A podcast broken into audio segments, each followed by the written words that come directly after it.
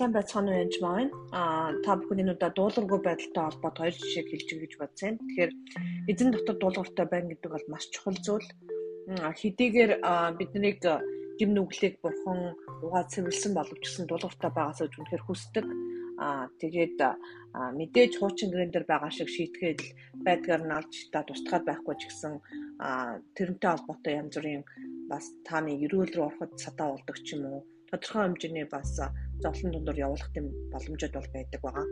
Тийм учраас та бүхэн дараачийн хоёр жишээг бас анхааралтай сонсосоо гэж хүсэж байна.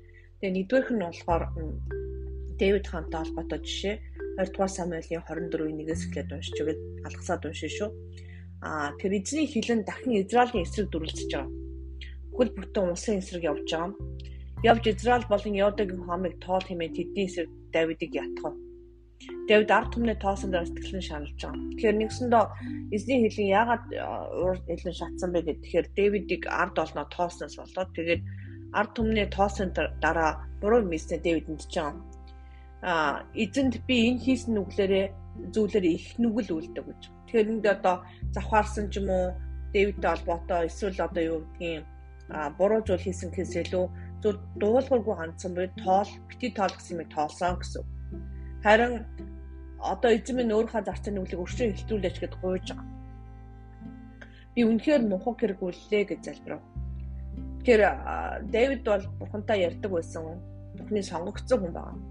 А Дэвидийг өглөө босоход эзний үг Дэвидэд биш харин иш үзүүлэгч Гад дээр ирж байгаа.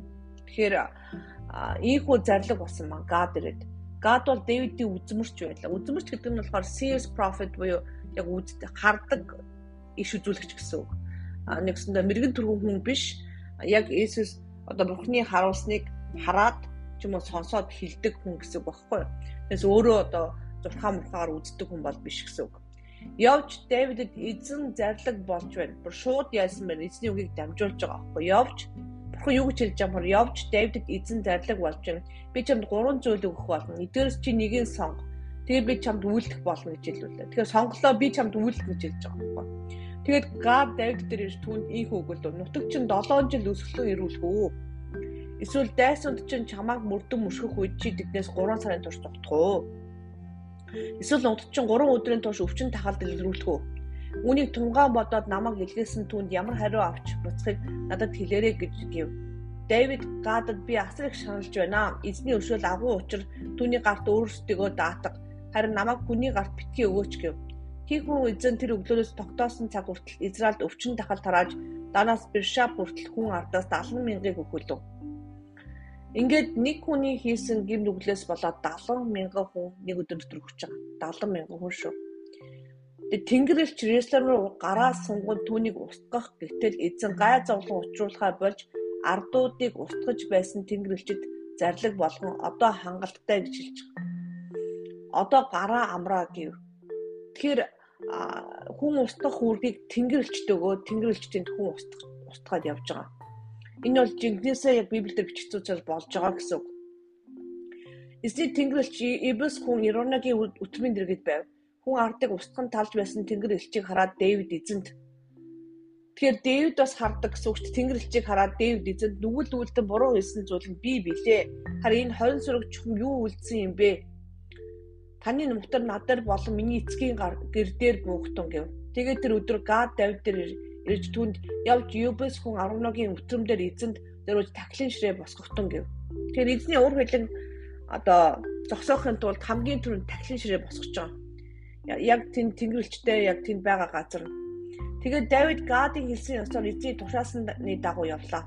Ингээд 11 доош харахад хаан зарс нартайгаа ам түүний зүг ирж явахыг харагдав. 11 гарч ирэн газар төсөр унаад хаанд мөрөгч. Тэгээ 11 эзэн миний та юуны учир боол надад ирээгүй. Давид хүмүүсээс гай гамшигыг буцаан тагтуулахын тулд чиний өтөрмийг худалдан авч эзэн таглын ширээ басгах гэсэн юм а гэв. 11 Давид энэ хаант эзэн хаантан минь санаан чинь эцэг бүгдийг авч өргөгдөн хараа чин шатаал тахил зориулах үхэр байна. Түлэг түлээн тариа зариулагч тэрэг мөн үхрийн буулга байна. Хаантан минь ариуна бүгдийг хаанд өргөн барья гэхэд 11 хаан Таны бурхан эзэн таны өргөлийг хүлээ авах болтугайгүй. Харин хаан аруунаад үгүй би заавал үнээр нь чамаас худалдаж аавна. Учир нь би үүнийг төлөөгүй зүйлээр бурхан эзэн шатаал тахил өргөхгүй гэд Давид өтрөн болон үхрийг 50 чигэл мөнгөөр худалдан ав. Ингээд Давид энд эзэн тахлын ширээ засаж штал дахид болон эвийн тахлыг өргөв. Ийхүү эзэн энэ газрын төлөөх залбирлыг сонсож Израиль дэх гай гамшиг зогсов. Тэгэхээр мэдээж гим нүгэлтэй холбоотой шатаал тахил Иесус босноо болсон. Тэгэхээр дахин үхэр шатаагаад авах шаардлага байхгүй болсон гэсэн. Гэхдээ буруу хийсэн дуулуургүй байсаасаа болоод ямар нэгэн асуудалд орох ч юм уу тийм юмд бол байж л байдаг. Түүнчлэн энэ зүйл жишээлбэл Йошуа нам дээр бас байдаг. Йошуа намын 7-гийн 1 11-аас 13 унших юм бол гэвч Израилийн хүүгүүд хориглогдсон зүйлс тэтгэлгүй хандлагаар үлдэв. Яг үүндээ нэг л хүн хийж байгаа. Юдэ овгийн зөрөгийн хүү, забудын хүү, хармын хүү ахаан хориглосон зүйлсээс зармыг нь авчих. Ингээд энэ 2 3 хүмүүс хориглосон зүйл аваад үүнээсээ болоод эзний уур хэлэн Израилийн хүүхдийн эсрэг дүрлэж байгаа. Израиль нь нүгүүлдэж миний дэдэн тушаасан миний гэрээг тэр тэд бас зөрчсөн. Тэд бүр хориглогдсон зүйлсээс зармыг нь авч хулгай ээж бас хуурам ихэлсэн. Түгээр барахгүй тэдгэрийг өөрсдийн зүйлсийн дунд тавьсан. Тийм учраас Израилийн хүүд дайсандынхаа эсрэг зогсож чадахгүй гэж хэлж байгаа. Ингээд дайсандаа ялагдж байгаа. Тэд хаагдж байгаа. То дайсандаа нурууг харуулахыг харуулахаар зүгтсэн гэж. Ингээд энэ бүхнээс гарахын тулд бурхан шийдэл хийж байгаа. Ингээд ингээд энэ энэ хүмүүс хийсэн учраас энэ асуудлыг шийдээ гэж хэлж байгаа. Тэгэхээр асуудлыг шийдсэн дараа эзэн тогшин уур хэлнэ намдав. Тэмээш газар энэ өдрийг хүртэл давхарын хөндий хэмээн нэрлэгдсэн. Тэр газар тэр хүмүүсийг чулуугаар зохиж алж байгаа юм л да. Тэгэхээр гим нүгэл үйлцэн нэгнийгаа бид нар чулуугаар зохиж алах ёстой гэсэн үг биш. Харин ч өрдөн нэгүсч хурдан эргүүлэхэд нь туслах хэрэгтэй гэсэн. Гим нүгэл мэдэрэж Назарын одоо Иесус Христийг мэддэг. Түүнийг дагдаг бэжэж өөрөө гим нүгэл үлдэж болох өвгөлдөө дээс ирэхгүй байх гимшихгүй байх юм бол а дагуул нь ганцхан тан дээр биш Христийн биед очих хүртэл аюултай байдаг. Тийм учраас бидний хариуцлага бол өндөр байгаа. Ялангуяа итгэгч бидний хариуцлага. А тийм учраас аливаа асуудал гарах юм бол эзэн минь гэж ороод миний миний зүрхийг угаа цэвэрлэж өгөөч. Миний зүрхэнд тань таалагдахгүй юу байна вэ? Ямар үйлдэлийг би буруу хийж байна анхаарч өгөөч. Одоо дуулуургүй янз бүрийн зан гаргасан бол би гимшиж байна. Хаана нугаа юу байгаа та харуул зарч өгөөч гэж үнэлэл хийх хэрэгтэй гэж та бүхний сэчингүүлэн гуйж जैन тэгээд дуулгүй байдал гэдэг бол эзэнд хамгийн одоо дургуг нь хүрдэг зүйл байгаа. А тэгээд даруй байх явдал үнэхээр чухал бурхан бардам зүрхэнд үнэхээр дургүй шүү. Тэгээд даруй байна гэдэг нь хуумч даруй байдал биш.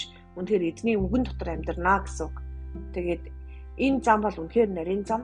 А үүгээр явахын тулд танд үнэхээр ариун сүнс үнэхээр хэрэгтэй танд бүхний тослогоо хэрэгтэй мэдээж бас итгэгч зөв ахын дус хэрэгтэй зал залруулж би эндээ тусалж дэмждэг хүмүүс хэрэгтэй шүү гэж хэлмээр байна. Баярлалаа.